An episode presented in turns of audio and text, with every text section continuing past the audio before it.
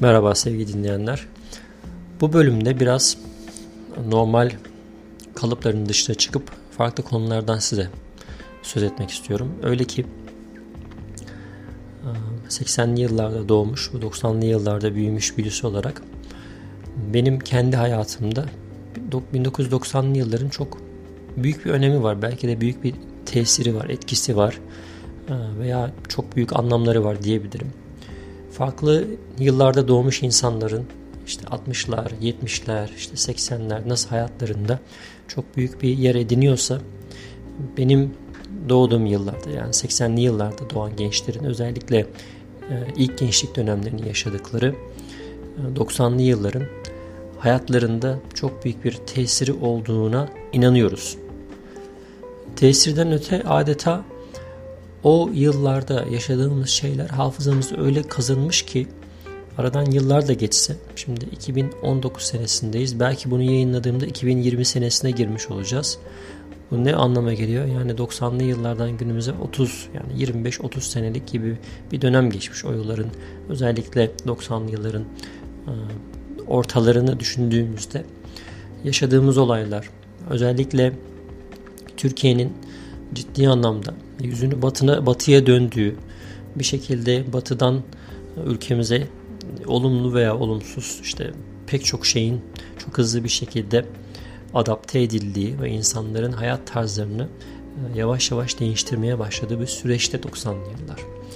Bu yüzden e, benim hayatımda önemli bir yeri olduğunu düşündüğüm 90'lı yıllara dair biraz nostalji olsun, biraz da eski günleri hatırlayalım amacıyla Amerika gündeminden tamamen bağımsız bir bölüm çekmeye karar verdim.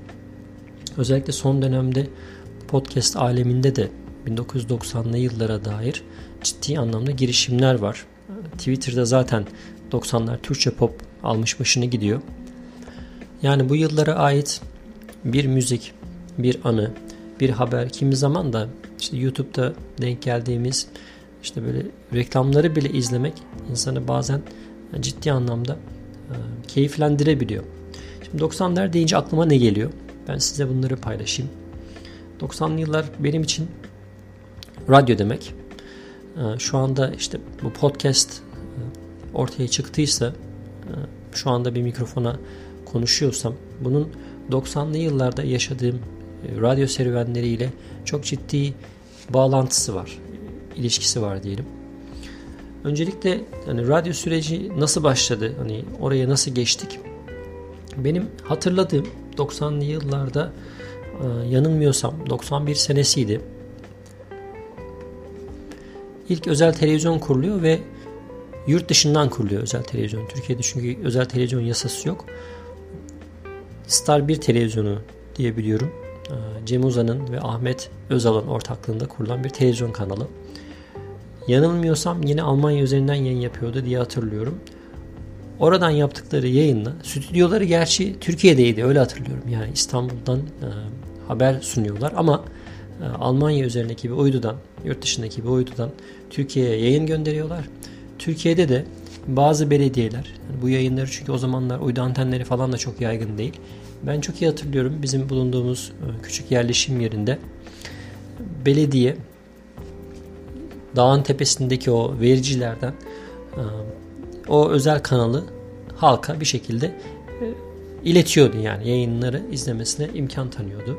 İlk hatırladığım deneyim bununla alakalı bizim antenin e, normal işte TRT kanallarını çektiği güzergahta veya doğrultuda özel kanalı çekemediği. Onun için kalkıp anteni böyle hafifçe çevirdiğimiz, oynadığımızı hatırlıyorum ki ben o zaman şeyi izleyebilelim yani Star bir televizyonunu izleyebilelim. Bunu hatırlıyorum. Ardından tabii televizyon kanalıyla beraber aynı zamanda bir FM radyo e, hayatımıza girmeye başladı. Belki TRT kanalları FM bandı üzerinden yayın yapıyordu o güne kadar. Fakat hani dinlenme noktasında veya insanların e, FM bandından böyle özgür bir bağımsız bir ses duyabilme noktasında e, ilk deneyimi olduğu için insanların da özel radyolarda bazı şeyleri çok rahat konuşabilmesi, böyle bir özgürlükçü bir ortam olması anlamında insanlara cazip gelmişti. Yine yanılmıyorsam Süper FM, Kral FM bilmiyorum. Belki Süper FM ilk e, radyo kanalı olabilir özel olarak. Tabii bizim bulunduğumuz ilçede çekmiyordu ama reklamları sürekli e, bu Star Televizyon'da çıktığı için bir şekilde bizim de dikkatimizi çekiyordu. Tabii gel zaman git zaman bu radyolar yayılmaya başlandı. E, özellikle İstanbul merkezli radyolar küçük şehirlerde, ilçelerde vericiler kurmaya başladıkça bizler de bu özel radyo yayınlarıyla tanışmış olduk. Peki radyoları nasıl dinliyorduk? Radyo dinleyebilmek için yani tabi günümüzde şu an mesela radyo yok. Benim yaşadığım evde, kaldığım evde radyo yok. O zamanlar ototeyipler var, araba radyoları var. Radyo dinleyebileceğiniz, arabanız varsa. Bunun dışında küçük cep radyoları vardı. Benim hatırladığım mesela ototeyipler o zaman özellikle Pioneer marka aklıma geliyor. Niyeyse sökülüp takılırdı hırsızlığa karşı. O zaman ototeyip hırsızlığı vardı. İnsanlar arabalara girip e, işte bu teyipleri çalıyorlardı ki kızaklı olduğu için teyipler belki de sökülmesi kolay olduğu için her ne kadar bazı teyiplerini hatırlıyorum böyle hırsızlığa karşı güvenlik önlemleri getiren teyipler vardı veya o kızaklı teybi söküyorsunuz eve götürüyordunuz akşamları evde teybi saklıyorduk falan böyle şeyler yaşadık biz. Sonra aklıma kasetler geliyor. İşte 45'lik, 60'lık, 90'lık kasetler dediğimiz bunlarda kasetin süresi 45'lik kaset 45 dakika sürüyor. 60'lık 60 dakika sürüyor. Bir yüzü 30 dakika öbür yüzü 30 dakika toplam 60 dakika veya 90'lık kaset 90'lık kaset de böyle artık şeydi hani çok uzun sürer ama içine çok fazla böyle kayıt yapabilirsiniz. Şarkı kaydedebilirsiniz. Mesela bizim o zamanlar hatırlıyorum kaset çalar teyip dediğimiz küçük bir böyle bir e, teyp, teyp diyeyim yani artık başka bir e, şey yok karşılığı yok. Çünkü müzik seti değil ufacık bir teyp sadece kaset çalıyor. Yani radyosu da yok. E, radyolar ayrı olurdu hani radyoyu ayrı alırdınız. E, teybi kaset çaları ayrı alırdınız.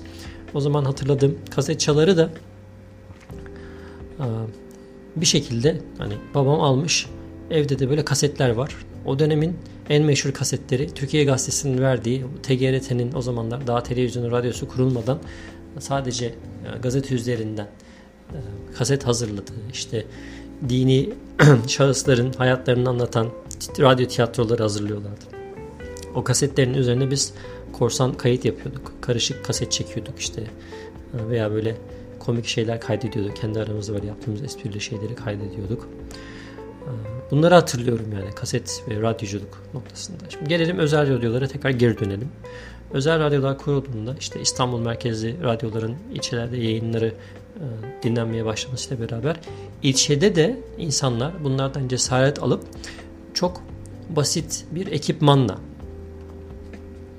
ses kalitesi, yayın kalitesi veya işte yayın ağı çok böyle sınırlı olan e, bir mikser dediğimiz bir aletle, bir verici, ondan sonra hatta zaman zaman böyle mahalleler arasında yayın yapabilen insanların küçük böyle e, cihazlar bulduğu hatta mikrofon şeklinde içinde küçücük verici olan ki bunu ben bile yaptım yani apartmanda yayın yaptığımı hatırlıyorum. Küçücük bir mikrofonla sadece apartmana yayın yapan bir verici vardı.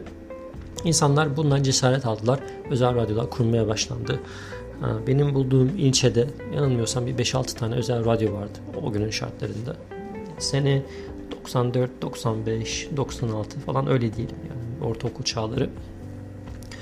Bu radyolarda yani sahipleri de genç insanlardı. Çünkü onlar da böyle maceracı, hani yeni bir şey. Ee, çok fazla para kazanma derdi yok. Her ne kadar reklam alsalar da hani bir şekilde hayatlarını sürdürmek için yerel radyolar reklamlara başlasalar da oldukça amatör. Yerel radyoların işte meşhur ettiği DJ'ler vardı. Akşamları böyle o DJ'lerin yayınını bekleyip dört gözle yayına başlamasını beklediğimiz programlar vardı. Onun dışında mesela özel radyoları arayıp rumuzlarla insanların işte özellikle gençlerin kızlar erkekler arasında birbirlerine mesaj gönderdiği rumuz üzerinden gerçek isimleri olmadan programlar vardı. Saatlerce bunları dinlerdik yani o günün şartlarında. Benim de küçük bir radyom vardı mesela. Ev ahalisi salonda işte televizyon izliyorsa ben yan odaya çekilip radyoyu dinleyip kendi dünyamda e, radyodaki e, gelişmeleri takip etmeye çalışıyordum. Tabi korsan yayıncılık burada çok ön plana geçti. İnsanlar işte izin almadan, daha doğrusu herhangi bir yasa olmadığı için, nereden izin alacaklarını bilmedikleri için insanlar böyle pıtır pıtır radyolar açmaya başladılar. Tabi bir süre sonra bu otoriteyi rahatsız etmeye başladı. Devlet bu böyle gitmez dedi Bunu bir düzene sokmamız lazım dedi. E, aynı batılı ülkelerde olduğu gibi bir kurum teşkil edildi.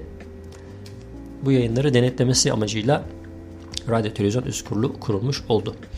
Şimdi Radyo Televizyon Üst Kurulu kurulu kurulmaz Radyo Televizyon yasası da çıktı. Yanılmıyorsam Çiller dönemiydi.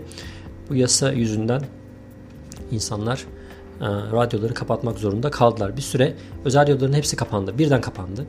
Ve radyomu kapanmayın, işte kapatmayın diye böyle hatırlıyorum yani protesto demeyeyim de kampanyalar düzenlendi. İnsanlar araba antenlerine kurdeleler takıp bir şekilde radyoların kapanmasını protesto ettiler. Sonra o süreçte kapanan radyolara radyo televizyon yasası ile birlikte e, bir takım çözümler sunuldu. Bu çözümler tabi beraberinde şirketleşmeyi getirdi. E, şirket olmaya gücü yetmeyen böyle işte genç, heyecanlı, herhangi bir işi gücü olmayan sadece böyle işte radyoda takılan tipler e, bu sürece ayak uyduramadılar. İster istemez bu işi bırakmak zorunda kaldılar. Öyle ki biz gençken yanımda birkaç arkadaşımla birlikte bulunduğumuz ilçedeki radyo istasyonlarını gezerdik şeyimiz buydu yani hani eğlencemiz buydu. Çıkardık işte bir radyoya giderdik. Orada otururduk. Bizi yayın almazlar. İşte salonları var. Salonda böyle insanlar oturuyor, muhabbet ediyorlar. İçeride stüdyo var. Stüdyoda birileri yayın yapıyor. Siz onları dinliyorsunuz. Böyle heyecanlı gelirdi yani insanı böyle cezbederdi. ilgimizi çekerdi. Biz de e, o radyolara gezerken işte böyle farklı tiplerle karşılaşıyorduk. Bazen böyle hani e, esrar keş tipler olurdu. Çünkü şey bir ortam yani hani sahibi yok. E, gerçek anlamda bir işletme değil. E, böyle bir küçük bir ofis bir yerden bir şekilde bulmuşlar. Nereden bulurlarsa bazen böyle tavan arası gibi yerlerden yayın yapıyorlardı. Hani hatırlıyorum böyle çok garip tipler vardı yani böyle hani isim vermediğim için kimseyi suçlamak da istemiyorum ama böyle sanki tipinden böyle sanki böyle hani sabıkalı tipler böyle sanki bazen özellikle böyle arabesk yayını yapan kanallar olurdu. Orada mesela ben hatırlıyorum e, Kara Kedi lakaplı birisi vardı. Çok e, tanınıyordu bölgede. Hani ciddi anlamda seviliyordu ve kendisi mikseri kendi yapmıştı. Hani kendisi bunu kurabilmişti. Hatta bize anlatıyordu. İlçede, başka bir ilçede televizyon yayını yaptığını söylüyordu. Yani bir şekilde kendi televizyondan işte VHS'den tane film oynatıyor. O yayını içiye izlettiğini söylüyor. Yani böyle gerçekten hani şey bir insandı. Kafası çalışan zeki birisiydi aynı zamanda. Böyle farklı tiplerle karşılaşabiliyordunuz radyo ortamında. Sonra ne oldu? Bunların hepsi kapandı tabii. Biraz daha ciddileşti iş. Şirketleşti. Şirket kuruldu. Ne oldu işte 6-7 tane mesela radyo istasyonu varsa bir ilçede bunun sayısı 2'ye düştü.